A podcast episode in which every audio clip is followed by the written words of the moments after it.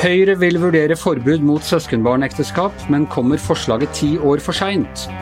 Og kan Melania Trump samle flere kvinnelige velgere bak ektemannen? Dette er Gjevrøy-gjengen, og det er onsdag den 26. august. Ja, eh, Hanne Skartveit, vi hadde en diskusjon her på morgenmøtet som jeg syns var veldig interessant, om eh, forbud mot søskenbarnekteskap. Du var egentlig en av de jeg kjenner som først begynte å interessere deg for hele problematikken. For ja, det er mer enn ti år siden. Det var Det snart 20. ja, nærmere 20 år siden, ja. Og på morgenmøtet i dag så var det litt sånn Dette kommer for seint. Forklar hva du mener med det. Jeg tenker at Det å reise de problemstillingene tidlig på slutten av 90-tallet og tidlig på 2000-tallet var den gang regnet som ganske kontroversielt. og Da var det mange som tatt stille og eh, ikke sa noe. Eh, og da var det jo et veldig akutt problem. Da var det omfattende. Både tvangsgifte kom som tema, sosial kontroll og disse tingene. Og så har det blitt mer og mer debatt om det, og kommet mange handlingsplaner og blitt en helt annen bevissthet både i det norske majoritetssamfunnet og i miljøer med innvandrerbakgrunn. Eh, veldig mange unge, modige kvinner som har stått fram. Først Shabana Rehman, Kadra, Zainab, så etter hvert De skamløse jentene. Det har vært en stor bevegelse, og først nå, i 2020, så kommer Høyre på banen med dette forslaget. Og det er, syns jeg, i beste fall på overtid. Jeg burde ha presisert det. altså Høyre som har eh, luftet dette som et, et mulig eh, å programfeste. Men eh, er det ikke bedre sent enn eh, aldri? Er det ikke Altså vi vet jo også mer, det har kommet forskning i løpet av disse årene. Camilla Stoltenberg eh, tok vel doktorgraden på, eh, på det. og eh, altså Første gang jeg hørte om dette, her, så var jeg litt sånn ja, herregud, alle, alle konger og dronninger i hele Europa er jo, er jo tremenninger og søskenbarn og onkler og tanter og jeg vet ikke hva. Så kommer jo all denne forskningen på banen. Er det, ikke, er det ikke rimelig at man venter til man har disse faktaene på bordet, før man vedtar noe så inngripende som et lovforbud? Jeg tror kunnskapen om det var rimelig utbredt for lenge siden. Og de tallene som ble presentert på Politisk kvarter i dag morges, viste jo at fra 2007 til 2010 så hadde det gått ned søskenbarnekteskap i Norge fra 43% i disse miljøene til 25% En drastisk nedgang, altså. Og så har det ikke Nesten halvering på, på bare tre år. Tre år liksom. ja. Og så har man jo ikke, i hvert fall ifølge det vi hørte i dag morges, noen nyere tall enn 2010. sånn at det er jo vanskelig å vite hvor utbredt det er nå. Men det vi vet som virkelig har virket veldig bra, er jo for det første at man har satt en aldersgrense på såkalte henteekteskap. At hvis man skal gifte seg med noen som kommer fra utlandet, så må man være 24 år. Og det ligger et forsørgerkrav inne, som jo har gjort at veldig mange av de ungdommene som tidligere var utsatt for arrangerte ekteskap, for sosialt press når det gjaldt hvem de skulle gifte seg med, de har fått lov til å si, vokse seg til sjels år og alder, kunne ta voksnere valg, ta utdanning. De må ha jobbet, hatt inntekt. Så det er klart at de tiltakene har vært veldig viktige og betydd mye, tror jeg.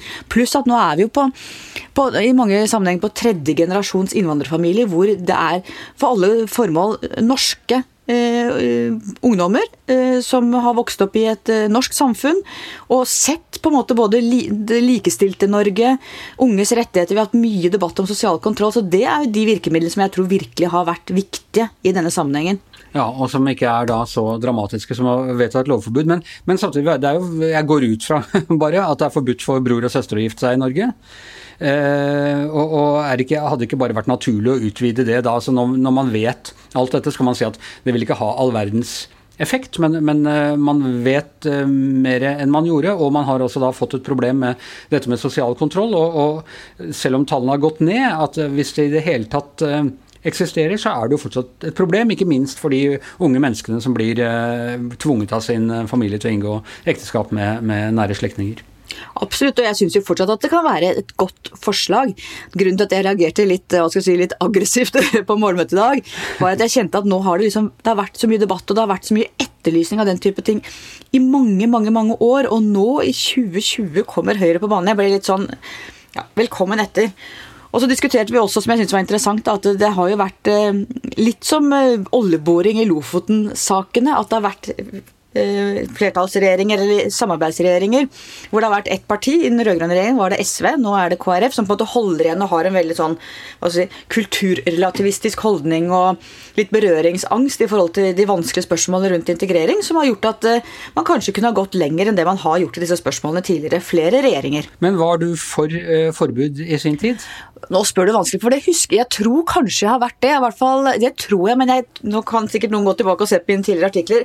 Jeg tror jeg har vært det, i hvert fall så har jeg ment det inni meg. Og jeg har jo skrevet mye om disse spørsmålene om eh, sosial kontroll, om kvinneundertrykkende kulturer, om uh, unge norske ungdommers rettigheter som uh, storsamfunnet har valgt å se som innvandrerjenter, som da ikke skulle ha samme menneskerettigheter og frihet som alle andre norske ungdommer. Så jeg har skrevet mye om dette, men om jeg akkurat har tatt til orde for søskenbarnekteskap, det tror jeg, men det tør jeg ikke være sikker på.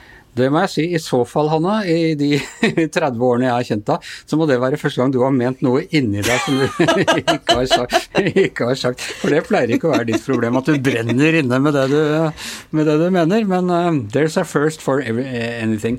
Ok, uh, kommer du til å skrive om dette? Ja, jeg går og tygger litt på det nå. Jeg tror jeg har lyst til å skrive om det til lørdag. Få se hva nyhetsbildet bringer. Det er, en, ja, det er jo en interessant uh, historie og, og utvikling uh, i dette. her. Det skal bli interessant hva, hva resten av samfunnet, f.eks. Hva, hva Camilla Stoltenberg, som i mellomtiden er blitt leder for Folkehelseinstituttet, mener om det. Og så er det bare viktig å si til slutt, Anders, at sosial kontroll er jo dessverre ikke borte som problem. Vi ser det jo i veldig mange miljøer, og det, det må vi på en måte fortsette både å diskutere og kjempe mot hele veien. Alle norske ungdommer skal ha den samme friheten og samme retten til å velge sine liv og hva de vil gjøre på fritida og i livet sitt. Ja, og det må jeg si, det var det mest provoserende fra meg. Det var en fyr på Politisk kvarter i morges, jeg tror han var fra Islamsk råd, eh, som sa at det er jo ikke noe bedre å overføre fra sosial kontroll til politisk kontroll. Jo, vil jeg si, det er veldig, veldig, veldig mye bedre i et demokrati at det er en politisk eh, kontrollert eh, lovverk og hvordan tingene fungerer, enn at det er bestemt av, av sosiale dogmer og, og klaner. Så her er jeg uenig. Tiltredes, Anders. En av de få stedene hvor jeg er uenig med Islamsk råd. ok. Um, per Olav Ødegaard, uh, du har vært oppe i natt igjen og sett uh, på Republikanernes landsmøte. og Litt bedre stemning i natt enn det var uh, natt til i går? Ja, jeg vil si veldig annerledes. Veldig sånn positiv holdning hvor i den hovedtaleren i natt, da, som var førstedamen Melania Trump, som eh, holdt, hadde et veldig altså Hun var ikke opptatt av å snakke negativt om eh, motkandidaten Joe Biden. Hun var tvert om, da, naturlig nok, opptatt av å fremheve sin mann, eh, Trump. Hennes motkandidat er vel Jill Biden, riktignok, men Det kan du si. Men samtidig så hadde hun en mer ja, både empatisk, personlig og ganske tydelig budskap til støtte da, selvfølgelig for sin mann. Og hennes oppdrag her er jo opplagt å appellere til ja, konservative eh, kvinnelige velgere, da, som, eh, hvor der har eh, hennes mann et problem. Eh, og det er litt spennende, fordi altså kvinnene er jo eh, kan bli den avgjørende faktoren eh, ved presidentvalget i år. Hvis nok kvinner stemmer, så blir ikke Trump president, har jeg forstått det riktig?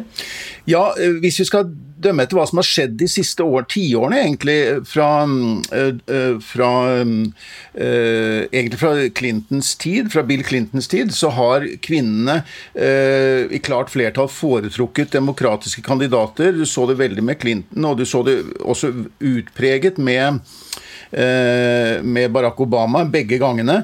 Eh, et stort flertall av kvinner stemte på disse demokratiske kandidatene. Eh, når det gjaldt Hillary Clinton i 2016, så, så var det også et flertall av kvinner som stemte på henne, men da var det vel et lite flertall av hvite kvinnelige velgere som, som gikk for, for, Trump, faktisk, hvis jeg husker riktig. Men, men dette er mønsteret, da. Og det er nesten tydeligere i år. Eh, for eh, kvinnene har forlatt eh, Trump i veldig stor grad. Og Melania er da altså et forsøk på å prøve å hanke hanke dem inn igjen. Tror du at det lykkes? Ja, og hun var jo ikke alene i natt heller. Det var flere andre kvinner som hadde ordet i kortere appeller, eh, som trakk fram veldig mange sosiale og eh, spørsmål som antas å være viktige for ja, konservative kvinner. Og, var, synes, og, og, og, hun, eh, Melania rettet sin appell eh, bl.a. direkte til amerikanske mødre eh, med, og, deres opp, opp, og foreldres oppgave som oppdragere.